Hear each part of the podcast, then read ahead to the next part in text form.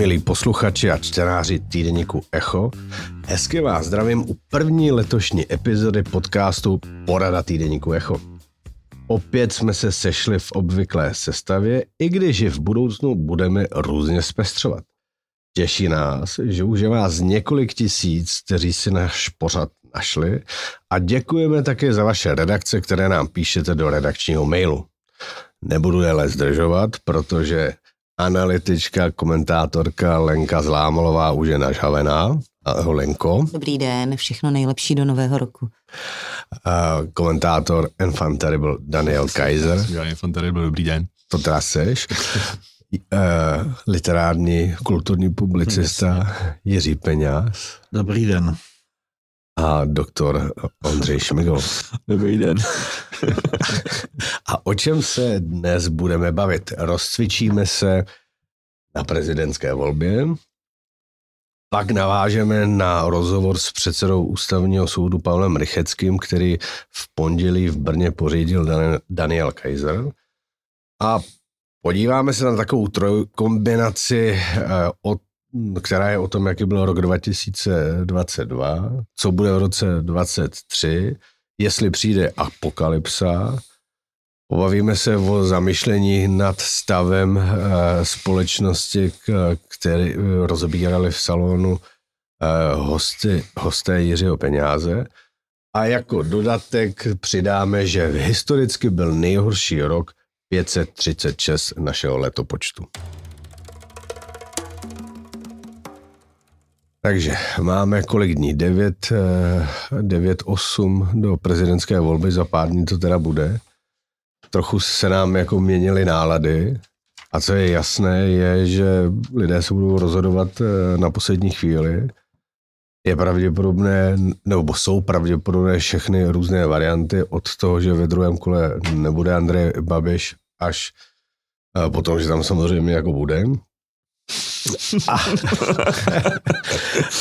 a co je zřejmé, je, že tady strašně vysoké procento nerozhodnutých voličů. Zvláště ten přeliv je e, zřetelný u Danuše Nerudové a Petra Pavla, který e, posílil po poměrně masivní e, masivním mediálním zásahu, která, který dostala Danuše Nerudová kvůli poměrům na Mendelové univerzitě a dokonce se objevily pokusy pochybnit její vlastní profesuru. Lenko, jak to vidíš ty? Tak eh, ono se, teď vyšlo několik průzkumů, které ukazují samozřejmě tu situaci v té chvíli.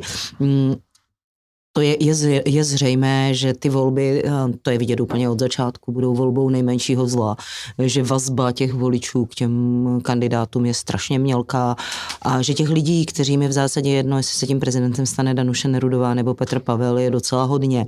Teď těsně včera, než ve středu podcast natáčíme, vyšel Stenmark, který se dívá, kolik těch voličů eh, třeba Danuše Nerudové by podpořilo pana Pavla ve chvíli, kdyby ona se nedostala do toho druhého kola a je to 69% a u těch Pavlových voličů je to dokonce ještě víc, na 70%. Ukazují se vlastně zajímavé věci typu, kdo je nejvíc ohrožený tou chybou v, té, v tom finiši kampaně, v těch televizních debatách.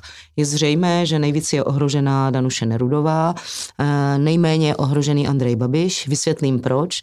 Andrej Babiš má nejvíce těch věrných, on má nejmenší potenciál, ale zároveň má největší jádro. To jádro se skoro shoduje s tím potenciálem. Ti lidé k němu mají silný vztah. Takže asi, i kdyby se objevila zpráva, že Andrej Babiš spáchal nějaký další jako zločin nebo vylomeninu, no tak se to asi moc s přesvědčením jeho voličů to neudělá. Danuše Nerudová má vůbec největší potenciál a nejmenší jádro. Ta vazba voličů k ní je naprosto nejmělčí. Ona je definitivně tím nej, nejmenším zlem pro ty lidi a mají k ní zároveň nejmělčí vztah. No a tam každé rozkolísání důvěryhodnosti má obrovský dopad. No a pan Pavel je někde mezi a proto v téhle chvíli vypadá, že eh, on tu šanci má asi největší. Ty průzkumy z posledních týdnů eh, v podstatě tvrdě potvrzují to, co se ukazovalo na začátku a co si spousta lidí nechtěla připustit, že Andrej Babiš je na to druhé kolo v zásadě bez šance. Tam dokonce jeho volitelnost v těch simulovaných druhých kolech eh, klesá. A dáváš nějakou pravděpodobnost tomu, že nebude v tom druhém kole? Eh, tak já tady bych hodně spojovala to, co si přeju, to, co považuji za strašně důležité, aby tam nebyl a to, co analyticky vidím jako možné. Já to nepovažuji za pravděpodobné. Já jsem ještě včera mluvila s jedním výzkumní, z výzkumníků, kteří ty data sbírají, ten jeho zisk bude ke 30%, bude kolem 30% a to je v zásadě nemožné, aby v tom druhém kole nebyl čistě matematicky. Samozřejmě může se stát cokoliv, může na poslední chvíli odstoupit Pavel Fischer, o co se teď hraje, eh, to by výrazně zvedlo podporu těch dvou dalších. Spíš pr bych řekl, než že by jako získali nějaké No ale ty hlasy by se někam jako posunuli. A pa- Pavel Fischer má třeba až 8, 6-8%, to není úplně málo. Kolem pěti, Lenko. Eh, Já jsem viděla i 6, přes 6 až k 8 to šlo v některých průzkumech. To si trošku pletej s Mal- Markem ne, Hilšerem, nepletu, jako ale to je poslední- jedno. Ty To poslední průzkumy byly o pěti, Jo, a stejně jak mm, Fischer dobrý, ale eh, jo? oba dva ty, všichni ty další kandidáti měli tak 26, teď mluvím o Danuši Nerudové a Petru Pavlovi, 26-28%. To jsou vlastně hrozně vysoké zisky na všech těch třech prvních pozicích. Jako stát se může cokoliv. Ve chvíli, kdy statistická chyba je zhruba 3 až 3,5% u těchto vysokých zisků. Ale ptážli se mě na pravděpodobnost. Eh, Bohužel si myslím, že Andrej Babiš v tom druhém kole bude. Kdyby nebyl, tak to druhé kolo, a to ty průzkumy ukazují, bude pro ty voliče eh, strašně málo důležité. Dřej, co ty? Začalo tě to bavit trošku ta prezidentská volba? Ne, já právě můj celkový pocit z té prezidentské volby je jako docela velká nuda, což jako... Já mám úplně tady stejný, všichni. To vůbec není o žádných Jo, politických právě, názorech. já si že? myslím, že všichni tady k upozorňujeme politiku nejenom protože je to naše práce, a protože nás to baví a musím přiznat, že tady ta kampaň mě zatím jako vůbec nebaví a moc jsem ne, já neviděl jsem tam hlavně ani jako žádný, žádný velký téma, žádnou jako velkou myšlenku, většinou se Ne velkou, žádnou myšlenku. Žádnou, jako celý se to je, jak někdo zkouší na sebe hodit jaký skandál a což jako myslím vede Pardon, taky... ale já si teda nemyslím, že se to liší od těch předchozích prezidentských voleb, tak volba pan Drahoš, pan Zeman teda v sobě opravdu neměla velkou myšlenku vůbec žádnou. To, No ale to Zeman jsou, byl jednoznačně vyprofilovaný. Zelma, zel, Zeman byl normální, jednoznačně- dobrý, show, dobrý showman, Ale uměl jako show, má jasný ale, ale v čem byl, nějaký, ale no Zeman má jasně, jasné hodnoty. no jasně, jako- Zeman, který byl úplně vším, liberál japonského typu v eurofederalista. 90. letech, ale posledních, jako jdeme tomu 10 let, je naprosto jako stabilní v tom, co teď si říká. řekl jeden z nejlepších vtipů, jestli No, Miloš tak Zeman je jako hodnotově jako- stabilní, tak to je fakt My máme humor. rozdílný smysl pro humor, Lenko, že jo, to je... ne, a já mám jako pocit, že uh, ne, nevím, že ten strašák toho Zemana byl větší než strašák jako Babiše. Jako když to měl přejonat k, uh, k pánovi prstenu, tak jako To tak tam, teda... tak tam Počkej, jako, tak v tom legendáriu, že je původní pán temno Morgoth, který je hrozně temný, který je jako mno, a což je Zeman, a potom je Sauron, který je jako už takový ten druhořadej pán temno, to je Babiš, podle Hele, mě. ale takhle, ty průzkumy ukazují něco jiného. Odpor proti Zemanovi nikdy nebyl tak veliký. Ta nevolitelnost, odpor a to, že půjdu volit proti němu, nikdy nebylo tak A možná silné. taky důvod, proč není, to tak nepůsobí, ty lidi vědí, že možná až nemají tolik šanci, jak ta hysterie možná není tak velká. Ano, němu. ano, u toho Zemana toho, to bylo reálný, on byl předem pasovaný na vítěze. Babiš v podstatě... No to taky nebyl, že ale to teďka nebudeme asi ale je tam byl, je to podstatné. To Jako je, tebe to baví, nebo zaujalo tě něco na tom, nebo to mimo tebe? Úžasně mě to baví. Ale to asi souvisí s rozdělením společnosti, jako dají nejde přece o to, jestli ty lidi jsou zábavní nebo nejsou zábavní a mají myšlenky nějaký nebo nejsou, ale jakým způsobem se rozdělila ta společnost. A jestliže kompaktně tady 30%, to jsou nepochybně pravděpodobně ti lidi, jak to, to mluvila Lenka, těch 30% ten šutr, ten toho, těch podporovačů Ba- Babiše, tak ty jsou nepochybně ti, kteří podporovali taky Zemana, že jo. Jo, pravděpodobně Zeman, kdyby teď kdyby byla možnost, aby, aby jako kandidoval po třetí, tak by pravděpodobně ti samí lidi prostě, co volili Babi- Babiše, tak, eh, tak by volili Zemana, kdyby nebyl Babiš tedy, jo. Prostě to se přelilo tady tahle ta určitá část, tady mu někteří lidi říkají Česko B nebo dezoláti nebo něco takového, tak prostě ta má ta si, ta, ta, ta přistane na tom reprezentantovi, s kterým oni jsou schopni ne přímo se možná stotožňovat, ale prostě jsou jiní každopádně než tady to Česko A, než jsou ti, já nevím, řekněme ti kandidáti toho, eh, takový ti, ti dobráci, takový ti hodní, takový ti, kteří prostě chtějí jaksi více všech těch progresivních myšlenek a, a nebudí tady tuhle tu uh, averzi. No a prostě tohle je zajímavé, do jaké míry prostě to Česko B je Já to silný. to Jasně, já víš, co myslím, jo? Prostě voliči Zemana nebo voliči nebo Babiše, jo? Prostě tyhle ti lidi, kteří prostě mají představu, že ten čas není na jejich straně, že prostě, že vývoj se ubírá někam jinam. Samozřejmě je zajímavý, že prostě nejdou k Baštovi, jo? který v podstatě to formuluje já jsem si, já jsem udělal tu zvláštní věc, že jsem si poslechl kousek jeho projevu Jo, a on to v podstatě tyhle věci toho, toho odporu, či prostě těm, tomu vývoji času, tak, tak tam říká velmi pregnantně, byť tím svým hůňavým a naprosto legračním způsobem. Jo? Ale přesto prostě nemá z nějakého důvodu potenciál, přesto ti lidi radši volí tedy e, Babiše, Já i když v podstatě... Promiň, jenom na jednu no. zábavnou myšlenku. Jak by, to, jak by to vypadalo, kdyby kandidoval... Ne, já, myšlenku. promiň, kdyby, no. kdyby kandidoval Zeman proti no. Babišovi. No. Tak já To by myslím, bylo že ten by Babiše no. teda smázl. Jo, Eh, ale to by se nikdy pravděpodobně nestalo, protože, každého protože by prostě tady je ta velká část, přinejmenší poloviny té společnosti, která je takzvaně liberální a tyhle ty by dva nikdy nepřipustila. Jo?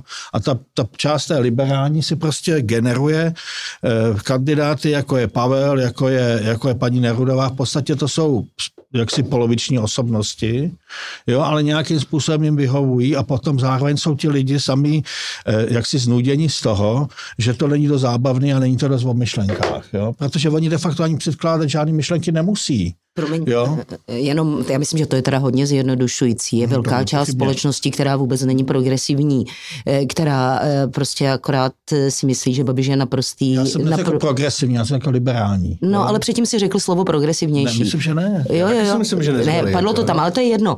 Ale je spousta lidí, která ani v tom kulturním slova smyslu zdaleka není liberální. Je velmi, řekněme, konzervativní, ale to, co je Babiš, je prostě No jasně, jako temno. samozřejmě. Toto je fakt No. hodně a hodně zjednodušující. A myslím, že to mate ten pojem eh, a mm, je to, je to fakt hrozně schematické. Je to výrazně složitější a myslím, že celé ty volby jsou opravdu o volbě nejmenšího zla a zábava to není. Naprosto tak souhlasím s potom- Ondřejem. Jako, ale za mě teda žádná ta kampaň eh, do přímé volby zatím nebyla zábavná. Vždycky to byla nuda. Dané, je něco, co bys tomu Ne, mohl tak já se dodat? trošku ošívám.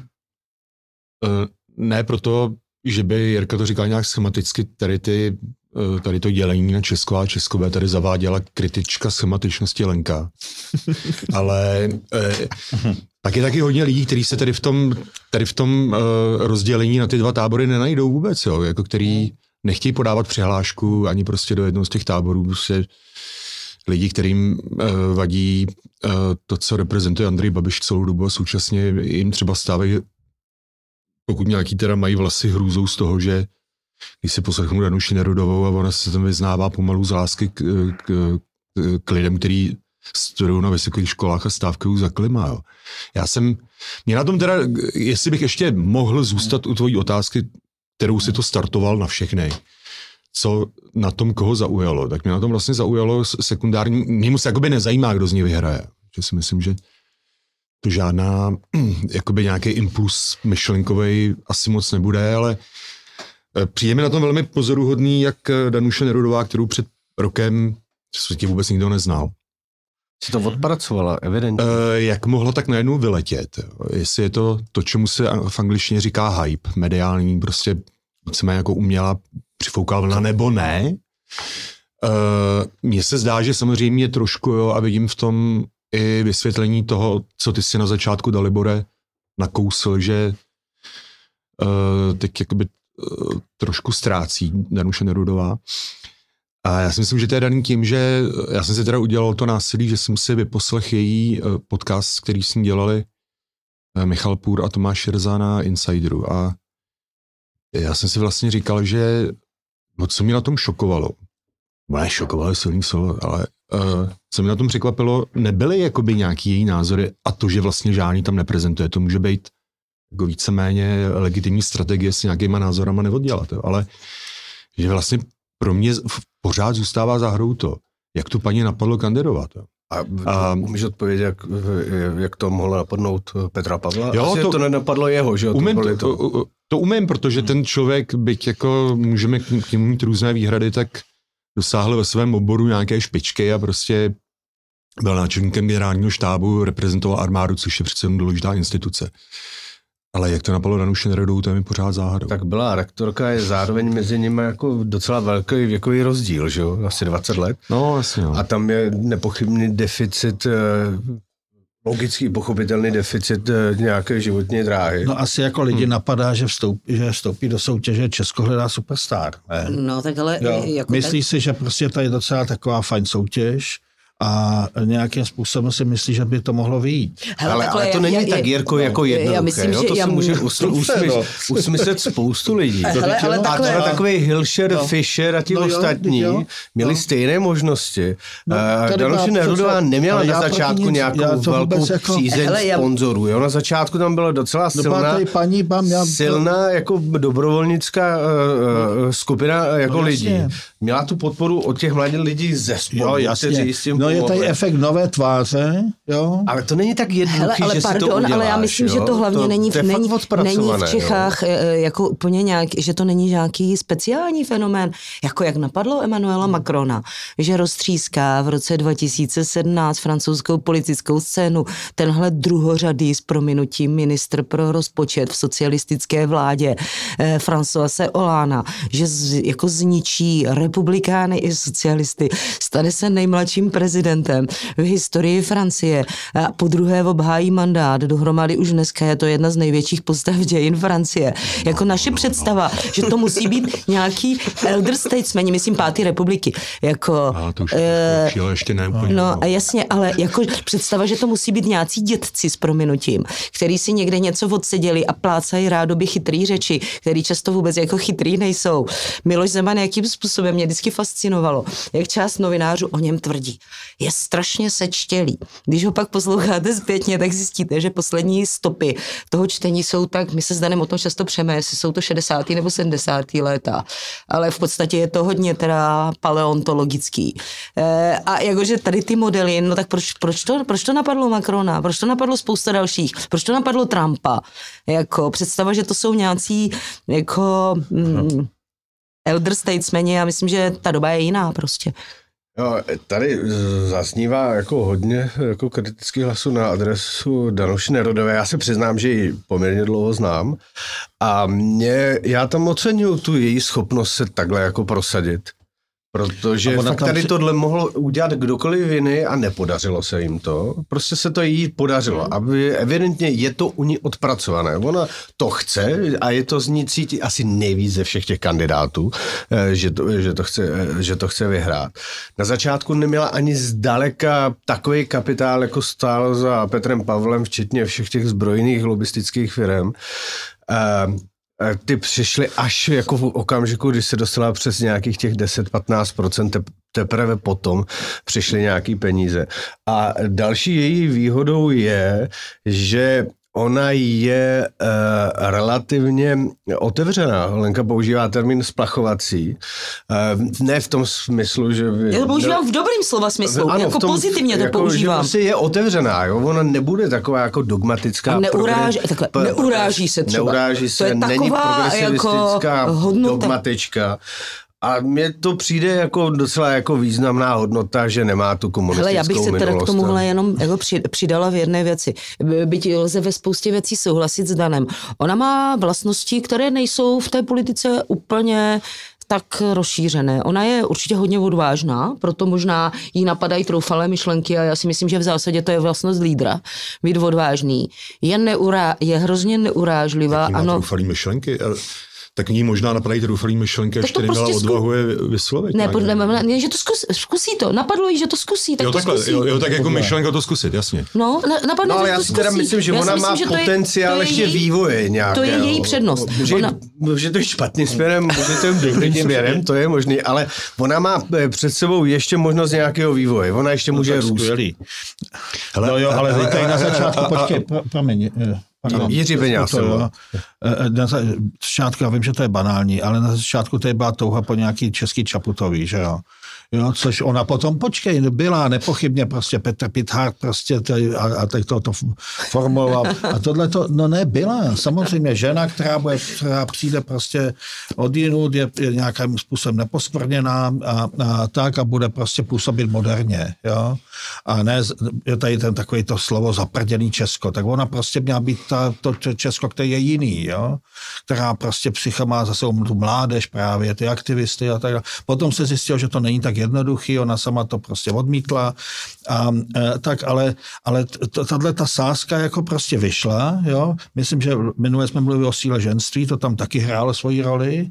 Jo, samozřejmě, že vysoce inteligentní na to, aby tyhle ty věci zvládala, a, ale nemyslím si, že tam je nějaký program typu Macron, který, pod, který ano, rozbil, rozbil systém kolikáté páté republiky nebo, nebo čtvrté, jo. Máte. Jo, páté republiky, což prostě, což, což myslím, že Narudová nemá v úmyslu ani náhodou. Jo, to, to, když tak měl úmyslu Babiš, že jo. jo No to je ale lepší než nějaký šílený samozřejmě, změny zas Takže prostě stranu, vlastně jo. je pro spoustu lidí přijatelná tím, že, že s ní přichází jakási změna, ale de facto žádná. Jo? Což může být výhoda v No jasně, smyslu, no jo. prostě je to, je to nová tvář do jaksi se, se ve, star, ve jaksi zvyklých kolejích. Jo, nám Ale přece- faktem teda je, že ona je teďka asi z těch tří v nejslabší pozici. Eh, Dan tady mluvil o tom, že o východicích jiných lidí. To pak.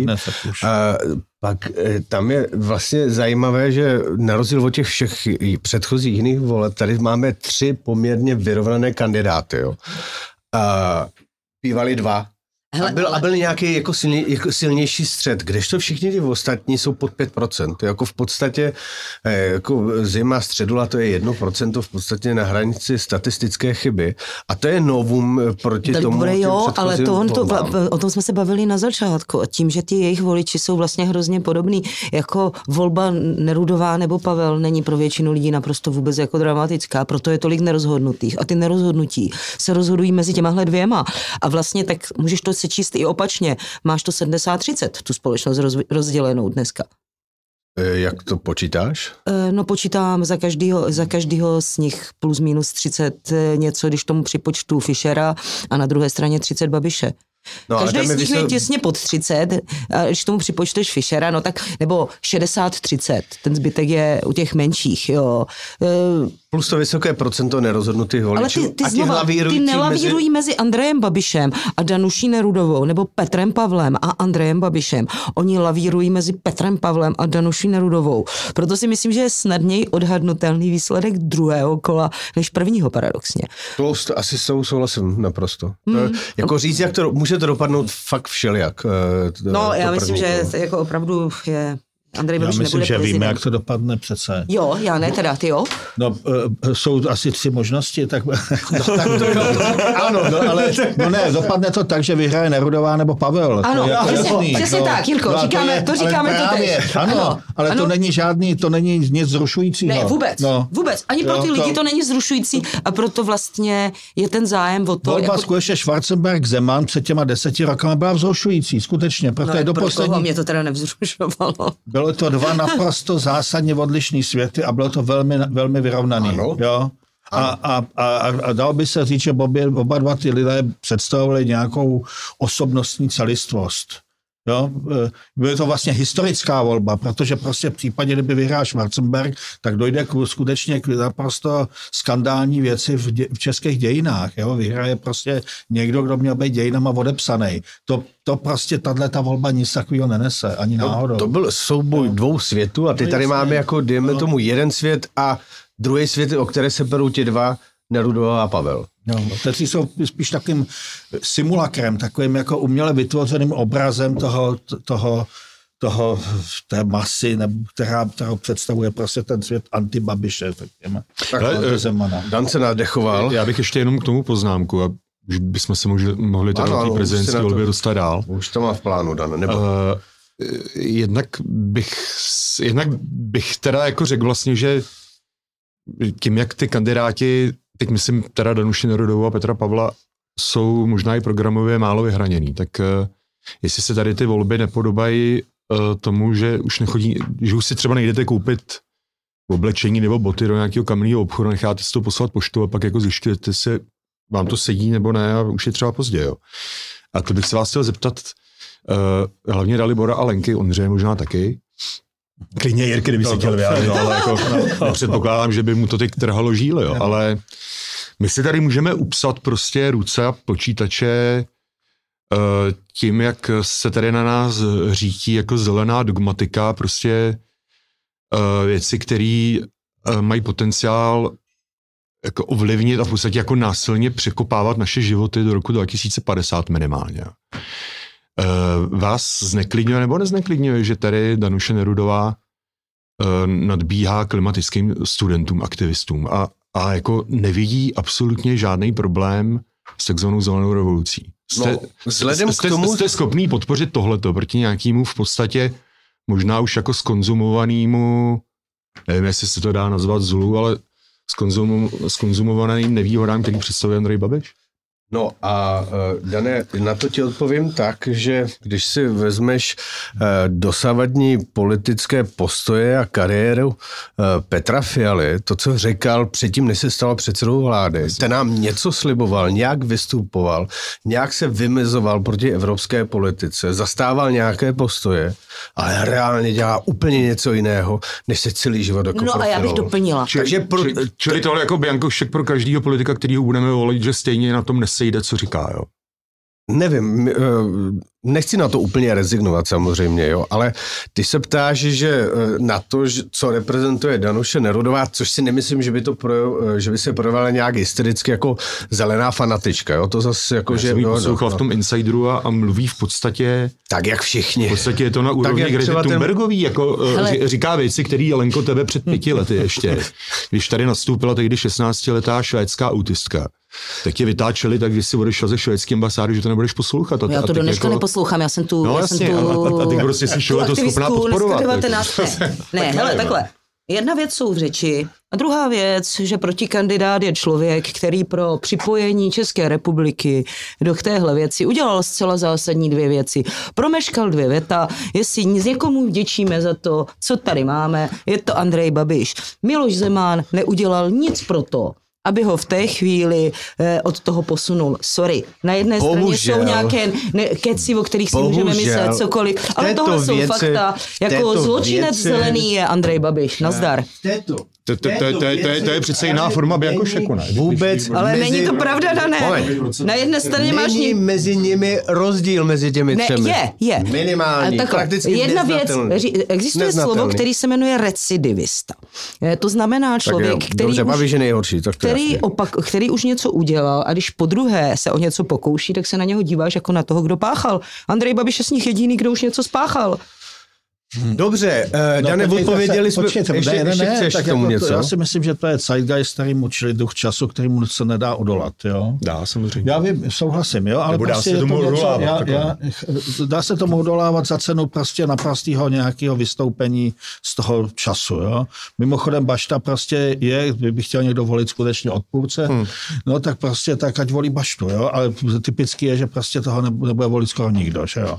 jo? No ne, ale to je prostě zvláštní věc, jo. Ale já že- vám přiznám že- Ten ti splňuje dobře ty No. kritéria, Dane. Já se vám musím přiznat, Bašta splňuje asi tvoje kritéria. Jo, je to tak. Jako pokud by někdo chtěl prostě zásadně odmítnout eh, zelený plán a tyhle ty věci, no tak je to, tak je to on. Prostě zvláštním způsobem prostě eh, eh, si tady, tady dochází k nějakému, napros- eh, nějakému nedorozumění, nebo ne, ne, prostě všichni ti lidi musí říkat ty stejné věci, byť by dokonce někdo uh, si myslel něco jiného. Proč jo. musí říkat?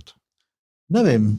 To je prostě právě proto, že eh, pra, žijeme, žijeme v nějakém zvláštním takovém eh, světě, kde to takhle, takhle je. A bylo to tak vždycky, bohužel. Hele, ale ono samozřejmě Mhm. takhle. Eh, A zase se podívejme jako do jiných zemí. Jsou jako někteří, eh, jedna věc je, co se říká, byť bych nepodceňovala slova. A druhá věc je, co kdo dělá. No tak se podívejte, co se děje eh, jako v citované Francii, která všechno jede na jádro, blokuje všechny ty zelené věci, které tam dneska prosazovala naše vláda.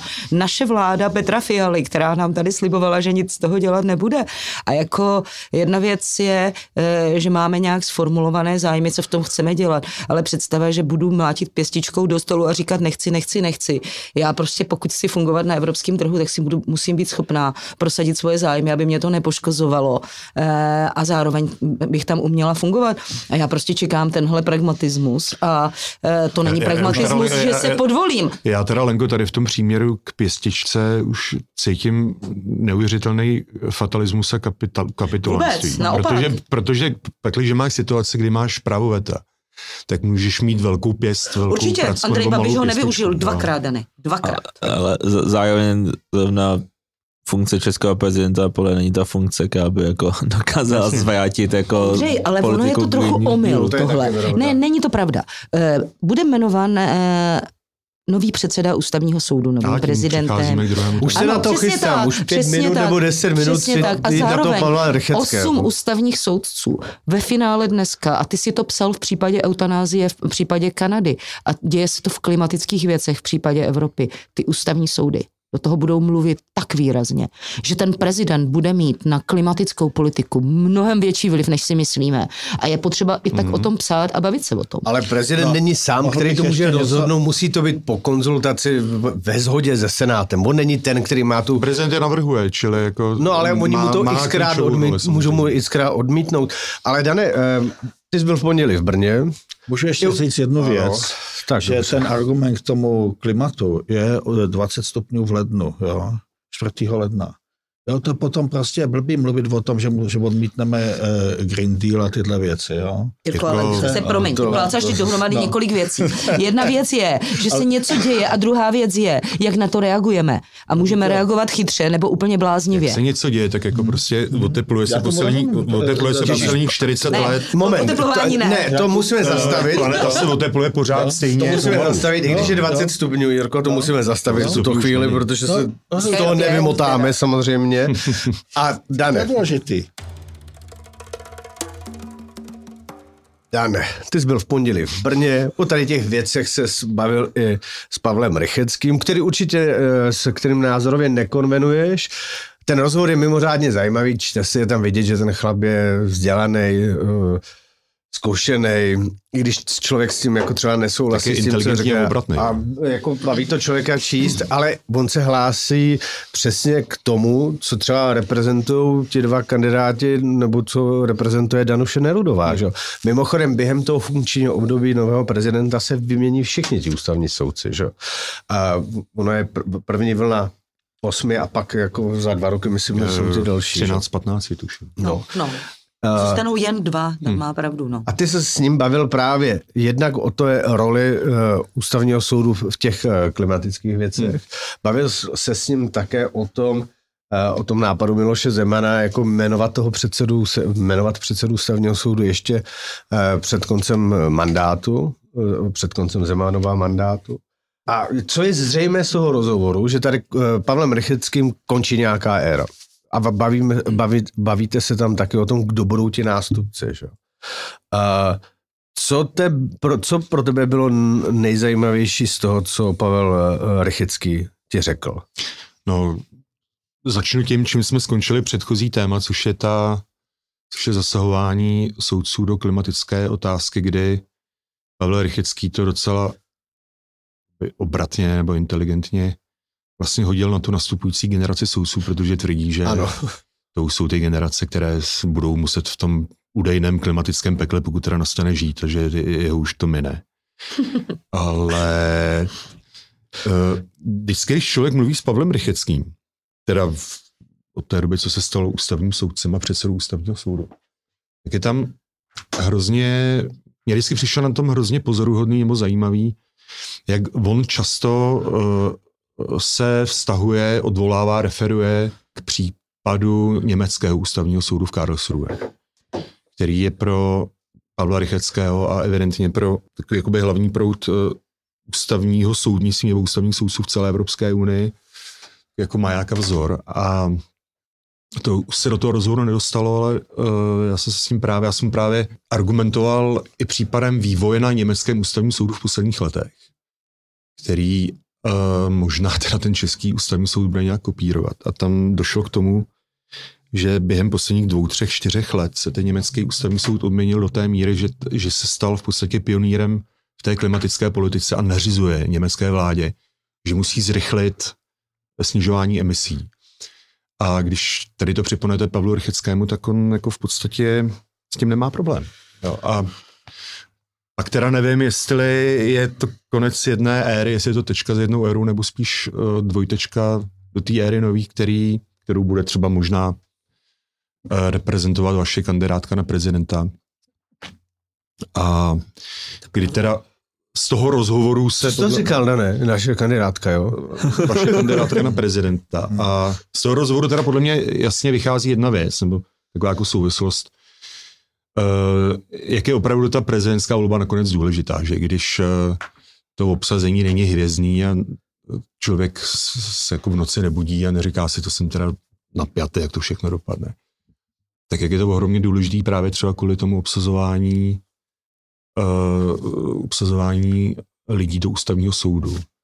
A měla se to vlastně, mělo se to asi stát, jak už je pozdě, ale mělo se to stát jednou z hlavních možná otázek, kterou bychom trápili ty kandidáty a ptát se jich právě na to, to máš pravdu, na to, se na, to, na to, jestli budou ty soudce ústavního soudu právě vybírat i s ohledem na klimatickou politiku, protože správně říká Lenka, to bude v příštích letech úplně klíčová otázka. A a jestli skutečně co jejich pravomocí bude, bude to jmenování těch ústavních soudců. A, a to se a, jich nikdo na to neptá, to je fakt. A, a, že? a teď se zase vracím uklikou k Pavlu Rycheckému, který vlastně říká, že uh, nepřímo říká, že ta jeho generace ústavních soudců by na takovýhle klimaaktivismus asi nešla, protože prostě ten svět ještě vidí jinak, ale že předpokládá, že s tím, jak se vyvíjí společnost, tak se bude uměrně tomu vyvíjet i ústavní soud. Jsou zásadní věci. Pak tam byla ještě druhá podle mě zásadní věc, eh, na kterou on tak nereagoval. A to je ta otázka eh, svobody projevu a toho, jestli vlády eh, můžou tok informací, i když mu třeba říkají dezinformace, jestli můžou nějak omezovat nebo ne. A tady vzhledem k tomu, co Pavel Rychecký sám říká na začátku rozhovoru, jak operuje svojí minulostí chartisty a disidenta, který prostě tím, že byl chartista a disident, tak eh, má trošku právo mít proříznutou pusu, když potom komentuje nějakou jakoby aktuální politiku. Tak tady to jeho disidentství a nějaká chartistická minulost eh, pro mě trošku je paradoxně, nebo bylo to pro mě až trošku zklamání. On to tam připouští. Nezaznívá, že, že vlastně člověk by čekal, že člověka s tohletou minulostí, že bude nějak jakoby se cítit zavázán třeba právě k boji za svobodu projevu, za Jeho to jako, zjevně, to, toleranci diskuze, tak to už je téma, které je úplně mimo Počkej, ale Dane, on tam dokonce připouští to, že, eh, že ta svoboda slova má hmm. nějaké hranice a naznačuje, eh, že by jako otázky tohoto typu by, že by s tím neměl problém. Hmm. Jako, že hmm. není zastáncem. To... to je právě ten důvod, proč si myslím, že to není tečka za éru, ale dvojtečka do té nový, i když mu bude letos 80 let. Tak on tam, eh, ten rozhovor je výborný, teda mimochodem, a on znovu ukazuje jako celé působení na mě. Jak ty si říkal, že je, obrat, že je inteligentní a obratný, to skutečně nejsilnější dojem z toho, jak se tady o spoustě lidí říká, že jsou intelektuálové a člověk opravdu přemýšlí, proč se na ně ta nálepka používá. Tak eh, Pavel Rychecký bez pochyby jako patří k nejbystřejším figurám veřejného prostoru, o tom není sporu. Zároveň je vybavený hm, vlastnostma a rychlostí intelektuální, kterou by mu mohli lidi o 60 let mladší závidět. To by se mu mělo poslat tady tohle. Ne, to já říkám dlouhodobě.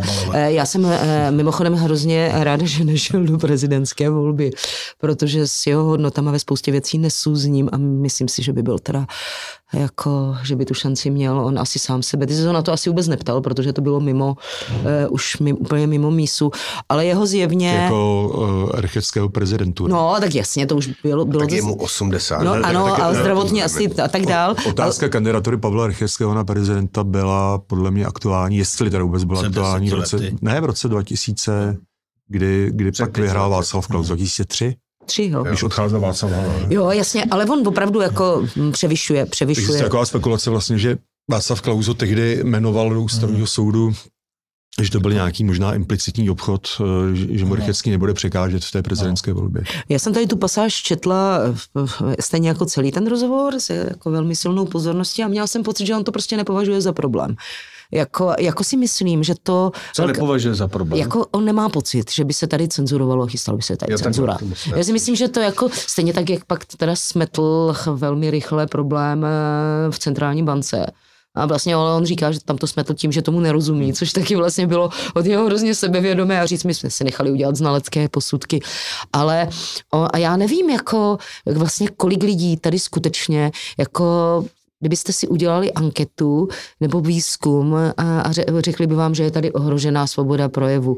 Jestli, já, já taky osobně nemám pocit, že by tady byla ohrožená svoboda projevu v téhle zemi. Lenko, čte se to. Opakuju jednu věc. Jo, jsou to jo. nejčtenější texty Jo, i- posledních jako dní. Určitě. Já, A mě to samotného překvapuje. já jenom A sama jako ty lidi to prožívají a jsou to texty z rekordní činnosti, nejčtenější Hele, texty. vy máte pocit, když tady každý jeden z vás by měl říct, že je v České republice ohrožená svoboda projevu? Já jsem, já, já mám pocit, že Ano, když je. někdo říká, že nehrozí ohrožení svobody projevu, že nemá dostatek představivosti, protože dneska o tom psal třeba Da- Dan v komentáři, co se děje v Německu a třeba v Británii, tam evidentně už jako tam mají takovou tu uh, klasifikaci jako legal, legal but harmful speech, kdy jako chodí policie za to za lidma domů, co napsal, co napsal něco jako ošklivého na Twitteru, co sice jako ne, nelze postihnout podle zákona, říká jim jako neměli z toho smazat, pak jsou ty příklady jako lidí, co dostali nějaký uh, p- veřejně prospěšný práce a u nás to zatím není a mám trochu se bojím, že jestli to taky trochu k tomu jako nesměřuje. To který se, to, pokud se nebudeme o Hele, tom mluvit, tak se to, že může stát neexistuje, a budeme že neexistuje, že co se, se neexistuje děje. ohrožení svobody projevu, eh, říkají většinou lidi, kteří um, um, nebo eh, zná, kteří ty názory mají jasné v tom smyslu, jaký je právě ten, eh, co, co představuje tu, tu správnou uh, po, postoj. Jo? Lidi, kteří jsou zcela konformní, no tak prostě zcela jistě nemusí mít pocit, že, ohrože, že existuje ohrožení svobody. Jo? A um, tady se dotýkáme, samozřejmě, že neohrožuje ohrož, svobody v takových názorech, s kterými souhlasíme. Jo? Jestliže nikdo prostě nebude pravděpodobně, když napíšu velmi ostrý komentář k Putinovi nebo něčemu takovému, tak prostě to nikdo nebude eh, považovat, že ohro, dokonce kde můžou být věci, které nejsou pravdivé nebo tak, tak, tak to prostě nikomu, to. tak byl pochválen, jo. Um, že Rusko je fašistický stát, jo, což je, o čem se dá možná polemizovat, ale nikdo mi prostě to nebude vadit. Zatímco, když se napíše, že prostě západní Evropa směřuje do islámské budoucnosti, no tak to je problém, že jo. Počkej. Jirko, Jo. sorry, ale to, nás to tady no. ale No. samozřejmě píšeme jako dnes a denně. Já to píšu velmi často a fakt jsem s tím nikdy žádný problém neměla. A jako představivost. Já můžu mít, samo, západní já můžu mít katastrofické představy. Evropě Nakonec pravděpodobně Tereza píše ano. o apokalypsách. A nebo, nebo můžu reálně řešit problémy, eh, které jsou v té chvíli. Nebo které jsou nějak reálné. To, že může být konec světa, eh, taky jako je představivost některých lidí. Ale fakt, Ale si, ne, fakt si nemyslím, v tom že... západní, v té západní Evropě to pravděpodobně už bohužel problém je.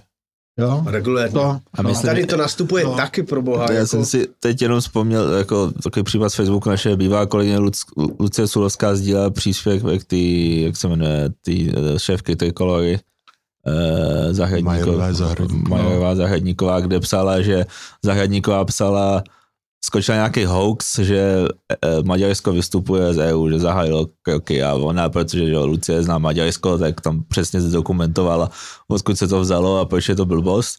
Potom Zahradníková smazala a potom ale jako li- lidi to komentovali v komentářích a takový třeba ten Dan Přibán, jo, takový ten známý z, těch uh, trabanty kolem světa, no, co, tak ten, ten, ten, tam přesně psal jako, tohle je přesně ty příspěvky, který by se měl mazat, to je, co jsou ty dezinformace, by se měly mazat. Já jsem říkal, ale proč by se měl mazat, jako za to uškodilo nejvíc samotný tým zahradníkový. Přesně tak. A, eh, a eh, tak jako, když se budou vypouštět blbosti, tak každý by se, se s tím jako měl nějak pokrývat sám, to je mám jako pocit, že buduje se takový očekávání, že jako bude někdo kontrolovat, co je pravda na internetu, co ne, a bude to Já si svěřovat myslím, že trestním to směrem. regulární součást kulturní války. No po, Ta- pozor, tohle byl svoboda zajímavý projevu. případ, protože já jsem si to, to jsme viděli včera, jo. E, to byl věc, která prostě, pokud zrovna se člověk ne, nevrací z Maďarska nebo neorientuje se v Maďarsku, tak může říct, pro, to je možná pravda, jo. E, potom se zjist, a, a e, zajímavý na tom je, kdo to vytvořil, tenhle ten, tenhle ten, tenhle ten fake, nebo, nebo co to bylo, jo. Jestli to vytvořili Orbánovi příznivci nebo Orbánovi nepříznivci, jo. Protože se zara, zaradovala, zaradovala Zahradníková eh, nad tím, že teda se splnila její touha, aby Maďarsko prostě vystoupilo, vystoupilo z EU, anebo jestli to prostě vytvořil ten, který chtěl jaksi eh, eh, Orbána nějakým způsobem eh, jaksi difamovat, jo. A, eh, a to je pravda, že prostě v tu chvíli možná je nejlepší prostě nějaký, nějaký způsob nějakého zásahu, protože to byla zjevně prostě Počkej, ale- lež No právě, že se Ale ukázalo, není ten- Jirko, není ten- že bez zásahu se to No vyřešila ta právě, věc. a není, No, není zasa- celá zasáhla, odpověď, že... zasáhla v našem případě Lucie Sulovská. No dobře, ale jo? to vždycky- Jo, no jo. dobře, Počkej, ale ale celá jo. odpověď je taková, že paní Zahradníková je blbá, když naskakuje tady na tyhle věci. To je tak asi Moment. to, co se k tomu dá nejvíc Tam je říct. důležitý, Pokud... že do toho nezasuje stát, Přesně, žádná přesně. nějaká jiná uh, autorita a že se to vyřešilo přirozeně, organicky a dokonce r- hrozně rychle se to A vyřešilo. dokonce i ten přibáň má právo si tady tehle blbost psát. Jako já bych tam to ukazuje nemazal. to eh, eh, extrémní insuficienci některých účastníků teda téhle debaty. Pokud eh, šéfkou politické strany je osoba, která skáče na hoaxy, eh, tak je to samo o tak sobě... to se může stát. To se. No může dobrý, stát tak každému, jako když beru nějakou informaci, tak se dívám, kdo to říká a kde to říká. Že to psali na nějakým alternativním serveru, tak si to asi eh, zkusím někde ověřit, než to začnu šířit dál. Je to taky o nějaké Ale, jako... ale to se stalo asi každému z nás, a děje se to jako každému, že občas Tak ale se si na snad něco dáváme naskočí. pozor, ne? No jasně, tak jako ale ověřuješ si ty informace přesně tak. postupně. Já bych Je to ne... pravda, že každou chvíli na Twitteru někdo skočí nějaký periodický účet a sdílí to jako pravdu. No jasně. A taky jako, a většinou to nikdo jako nechce mazat. No, většinou to smažou sami po tom, co se strapnějí. Že nechtějí být za blbý, Potom no. nechtějí být za No, ale vidíte, že ty, eh, ty mechanismy, ty přirozené jako fungují velmi dobře. Jako právě, proto no. nechápu. Právě. No dobře, Lenko. Fungujou. Ale tady ty zásahy ze strany Evropské komise, reprezentované Věrou Jourovou, anebo to, co se děje na úřadu Počkej, jenom vlády. aby jsme si rozuměli, já si myslím, že to jsou naprostý e, blbosti, co se tam chystají. A nemyslím si, že to v té navržené fázi něco z toho někdy projde. Ale je, je, A mě na tom teda, když mluvíš o tomhle, mě na tom naprosto vadí nejvíc jiná věc. Mě představa a já považuji za riziko úplně něco jiného. A to je obrovský, a bavili jsme se o tom v minulém podcastu, je to obrovské rozšiřování moci státu do oblastí, kde nemá vůbec co dělat. Za mě je mnohem skandálnější, že někdo chce dávat na dotacích médiím 100 milionů korun. To mně připadne úplně, To že nás posouvá někam korupce. jinam. A v nějakým eh, samo, samozvaným, když to řeknu, neziskovým organizacím 50 milionů za to, že budou někde něco kontrolovat. Ale ať to dělají na svůj účet za svý peníze, tak je to jejich svoboda. Mě to jako se nemusí eh, jejich práce být sympatická, ale ať si to dělají a ať kontrolují i naši práci, já s tím nemám nejmenší problém. Ale pro boha, proč to máme platit z daní? Proč ten stát se má do tohohle rozpínat? Stát by měl spíš stanovit jasná pravidla uh, pro sociální sítě, protože provozovatele sociálních sítí nejsou na rozdíl od kohokoliv jiného uh, zodpovědní za obsah, který šíří. My, vši, my, my, Ne, my jsme naprosto- za každý písmenko, které vyjde na serveru Echo 24, jsme zodpovědní. Naprosto A můžeme být jako po potohání soudu, respektive já jako statutární orgán. Ne, že naprosto s tebou souhlasím. A Pardon. To, tohle oni neřeší a plus je samozřejmě tady obrovský problém v monopolu těch technologických firm. A tam je chyba státu. No počkej. Chyba s- státu je v tom, eh, že nezabránil tomu monopolu, který samozřejmě deformuje ten trh. Celý ten, eh, celý ten pes je zakopán. tady Určitě, tomhle naprosto pro- s tebou tady souhlasím, tady v ze tom. 100%, akorát si velmi naivní v tom, když si myslíš, že tohle vyřeší český stát, jak pořád voláme, neřekl, jak, já to voláme tlačím v, na- jak voláme v něčem po celoevropských řešeních. A mně třeba připadne škoda, že se nevyužilo české předsednictví k tomuhle. No, protože je to součást kulturní války. No, v to si- Evropě, v to evropských si- strukturách je nějaká atmosféra, je nějaká nálada a tam ta poptávka je opačná. No dobrý, ale tak jako sebevědomá regulaci. země eh, se snaží eh, prosazovat vlastní témata a To máš vlastní pravdu, já zájmy. je obhajovat za to nechci, jo, ale jako ano, to by, mě- to by mělo být to Jenom to není, tohle není řešitelné představa, že tady zatočíme eh, s Facebookem a Instagramem Nemáš, a úplně, Google. nemáš asi Googlem. úplně pravdu. Eh, Třeba Polskou zřídilo speciální soudy, který si to, který se, který se aspoň tváří, že si to s Facebookem a dalšíma tady těma platformama jsou schopní vyřídit docela rychle. No a jak, je, jak, jak si to s nima budou vyřizovat? Nevím, Jakým je to novinka, jsou Co tam- proti ním udělají? Jsou tam, no, jsou tam stanovení docela dr- drastické pokuty a eh, krátké lhuty, ve kterých se to musí prostě rozhodovat. Když právě takováhle sociální síť, eh, Ale ona ti řekne, že je v Irsku. počkej, já to dořeknu, cenzuruje a možná někomu příspěvky. Ne, počkej, ale my jsme, se, bav- my jsme se bavili obecně o moci sociální sítě, ne o cenzurování a mazání příspěvků. A, a já myslím, že navíc, že tady není to tak, že by na evropské úrovni nebyla poptávka po nějakým způsobem regulaci zjevných technologických monopolů. Akorát není síla. Jako konec konců máme tady případy obrovských pokut ve Francii, obrovských pokut v Itálii. Jsou země, které zavedly digitální daně. Ale Ale na druhé straně prostě ty, ty firmy sídlí v Lucembursku a v Irsku, což jsou členové Evropské unie. A ti z toho mají obrovské peníze a oni vždycky použijou své právo VETA, které my bychom u klimatických věcí neměli odvahu použít. Je to o nějakém sebevědomí, jak kdo vystupuje v té Evropě. No tak jsme probrali téma, které jsme vůbec neměli. Neměli Okay, vůbec. to bychom měli jít. Já já jenom tady, jestli se můžu přihlásit taky o slovo, pardon, eh, abychom nešířili dezinformace v tématu o dezinformacích, tak předsedkyně Trikolory, dříve známá jako Zuzana eh, Majerová Zahradníková, relativně nedávno začala vystupovat pouze jako Zuzana Majerová. Já nevím, co se stalo v jejím osobním životě, ale je to tak. Děkujeme, Václave. To Musíme být informačně člověk- korektní. No, vidíš, a vidíš, a teď si použila dezinformaci, ani o tom nevíš, jo. Já jsem, neřek, já, jsem, já jsem řekla Zahradníková, ale já jsem použila Já jsem nevím, dezinformaci co o její jméně. Ne, Paní je to absurdní, ta Zahradníkové, debata je samozřejmě o těch dezinformacích dost často absurdní. No, a to, to tím jako chci říct, že podstatě- to, je, že to je bouře ve sklenici vody. Není to bouře ve sklenici, není to bouře ve sklenici vody ve chvíli, No.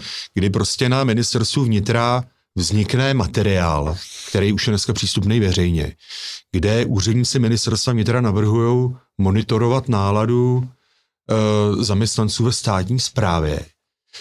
Sice tvrdí, že ji budou monitorovat anonymně, ale pak hned v druhém bodu se píše, že se, že se budou potom vyhledávat ty konkrétní nositelé těch jako protivládních nálad. Jako tohle přece tady za těch 33 let opravdu nebylo ani náznakem. Jo. A třeba z toho nic nebude, ale vůbec to, že, Že to někoho že napadne, se něco jasně. takového může objevit. Nevyvozují se důsledky, nepadají hlavy, mně připadá jako novinka. Docela No, důležitá. není to v situaci, kdy prostě dochází pravděpodobně k velké civilizační změně, která je, mož, kterou je možný nějakým způsobem eh, se vydat na jednu nebo na jinou stranu. Nebo co. A když se něco prosadí jako bez alternativy, to slovo Angely Merkelové, a která prostě o tom řekla, že tedy klimatická, klimatická eh, dohoda je bez alternativy, dejme tomu eh, multikulturní společnost je bez alternativy. Jo, prostě věci, které jsou jaksi, který, o kterých se nemá uh, diskutovat, neboť prostě to přijal ten Gens, ten, ten, ten lid a ty, ty elity jako správný. A v tu chvíli prostě je jasný, že prostě ta A výsledek oblast... je, že Německo pálí uhlí víc, než kdo No, pálilo to je předtím. jedno, ale prostě je, je ale- plný emisí víc, než kdykoliv ale, bylo, ale takže to je zeitgeist. pravděpodobně Hm. se tam, no jasně, ale dostaneš se, pokud se Je to legrační. Je to zprovázený po, spoustou pokrytectví pochopitelně, ale prostě existují zároveň případy prostě lidí, kteří nějakým způsobem vystupovali, nějakým způsobem psali, ne v Německu, ale v Anglii, nebo když to není v Anglii, není co, a tak, tak kteří prostě se dostali do velkých problémů. V Německu taky? Jo, a v V Německu Německu je- taky, takže to, to je, to Několik tak je, tisíc jo. případů lidí, kteří No. no. jaké naštívila No. no. policie kvůli tomu. Británii taky, že no. to nejenom A záležitost. samozřejmě prostě, teď vidím, že jo, tam byla ta skupina těch nějakých pošuků, kteří tam chystali eh, Něme, Německo eh, obnovu císařství. No což tak byla- jestli je jako, To mi přijde taky jako To- trošku jako no ne. bláznivý. Jako to je taková jako šlachtovština německá. No počkejte, možná, jako, no jasně, ale, ale oni prostě to, po, ale bylo to, bylo to prezentovaný a možná udělal se z toho jeden z největších hmm. kriminálních případů posledních desetiletí, jo. Ale, ale de facto prostě šlo o to, co by se v demokratické společnosti prostě bralo jako kuriozitu nebo jako prostě nějakou věc, která je někde na okraji. Jo? A najednou to není kuriozita, najednou je to ohrožující, ohrožení systému, něco proti čemu se musí zásadně, zásadně zasáhnout. Samozřejmě v, Če- v Čechách se to všechno děje v takový, takový nějaké prostě uh, legračnější, stínovější podobě, jo? protože prostě Češi mají jinou zkušenost a, a mají jinou povahu a tak dále. Jo? Ale prostě může se to, může se to proměnit. Jo? Hmm. A takže, takže z tohohle hlediska já samozřejmě na druhé straně si myslím, že lži, jako lži, skutečně typu, že si někdo vymyslí, že Orbán měl novoroční projev, jo, tak ty s těma je, já nevím, jestli nutný něco dělat a jestli se sami odstraní. Ty jsou skutečně nebezpečný. Ale, tak, ale to ale... se odstranilo, Jirko, přirozeně. OK, OK, jo? jo? OK, ale prostě podobně tak, ale po, pak se, ale, ale to, co jsme v poslední době viděli a my jsme to o tom psali přece v Echu a, a měli jsme tady prostě toho autora Douglasa Maryho a tak dále, který píše skutečně o konkrétních případech, kdy prostě za určitý názorový postoj, za, za, za texty, které nepřinášejí dezinformace, nýbrž informace, které jsou nepříjemné, můžou být postihovaní. Ano, jo. přesně to je ta no. obava, a... že v rámci uh, boje s těmi no. dezinformacemi samozřejmě to bude boj uh, s takzvanými řekne, že o tom se nediskut, nediskutuje. obsahem, no jasně. což se přiznává, no. což znamená v podstatě omezení uh, plurality. Zcela, no. zcela jednoznačně. Hm. No my jsme teda, my jsme teda měli mluvit o, ještě o textu Lenky, salonu Jirky to nezvládneme, měli jsme mluvit, jak byl blbej ten rok 22 a že bude ještě blbější asi ten rok 23. Ale zbylo nám z toho jedna poslední věc, že historicky nejhorší rok v dějinách lidstva je, a to není dezinformace, je rok 536. A o tom píšeš, Ondřej, ty, to byl mor a bylo to, to po celém světě, že jo? A existuje na tom nějaká vědecká zhoda dokonce? Existuje, no, existuje, je to, myslím, že profesor jste z Harvardu, eh, McCormick se myslím jmenuje, a jeho tým zkoumali, ono se celkem vědělo, že ten rok 530, 536 eh, byl špatný výsledek z kronik, oni zkoumali a zjistili, že v tu dobu došlo k obří sopečné erupci, která zahalila majakem celou Evropu a Ázii a způsobila sopečnou zimu což vedlo k, k, k hladomoju eh, a následně k snížení imunity, což se vedlo k moju, vyvolalo to různý... Neměli Green Deal, tak neměli, tomu nemohli tomu zabránit, že jo? Jako jejich problém bylo ochlazení, že? ne oteplení, což zase vedlo potom málo jídlo, jídla vedlo k tomu, že se dali do posunu různý nomádský nájody, který potom vyvolávaly války a výsledkem byla krize, která podle nich skončila o 100 let později, až roku 1640, takže... Ne, 640.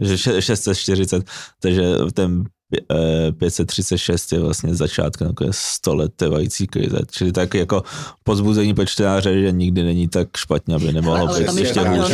V případě, že se to může táhnout desítky let. Takhle optimisticky bychom to mohli uh, zakončit, že nás něco tak děsivého, jak bylo v tom roce 536, uh, nečeká. To právě nevíme, oni to taky nevěděli v tom roce 536. Ale my chceme mít nějakou naději. No, ne, no, no, to, je, to je, myslím, no. že základ, jakože na ten svět se dá dívat buď pesimisticky a očekávat. Škoda, že jsme se nedostali k Terezinému textu opak, Apokalypse. Tak to řekni něco k tomu Kdy ještě, ona tam velmi natáhneme. pěkně píše, že apokalyptici jsou ti, kdo jako nevěří v budoucnost a nevidí budoucnost.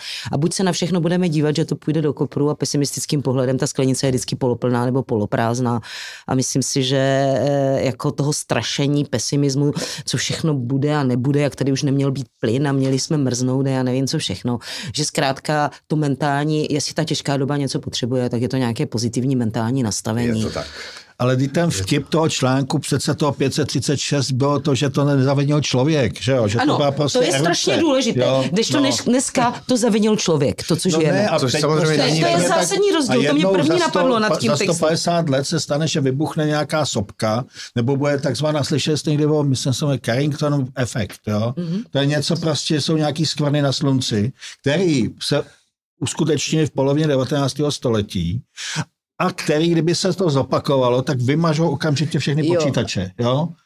A prostě to je ale pravda, ale ty, tím, ty jo? jsi pojmenoval ten zásadní no. rozdíl. Pokud se stane velká přírodní katastrofa, no. No. těch rozměrů, který opravdu mě, mě tam děsily některé věci, že nesvítilo vůbec slunce a jako mráz, já ne, nevím kdy, No, jako opravdu eh, ta představa pro mě, která jsem chronicky závislá na světle, je strašná, ale způsobila to příroda, byla to katastrofa. Tentokrát je hrůza téhle krize, že si ji působíme jenom sami. To je lid, lidem vyvolaná krize. A mě úplně A na já v tom vidím naději, protože ta příroda, to je- příroda je silnější než člověk Takže- a těch škody, co napáchal ten člověk, budou menší, než co je schopná nám předvést příroda.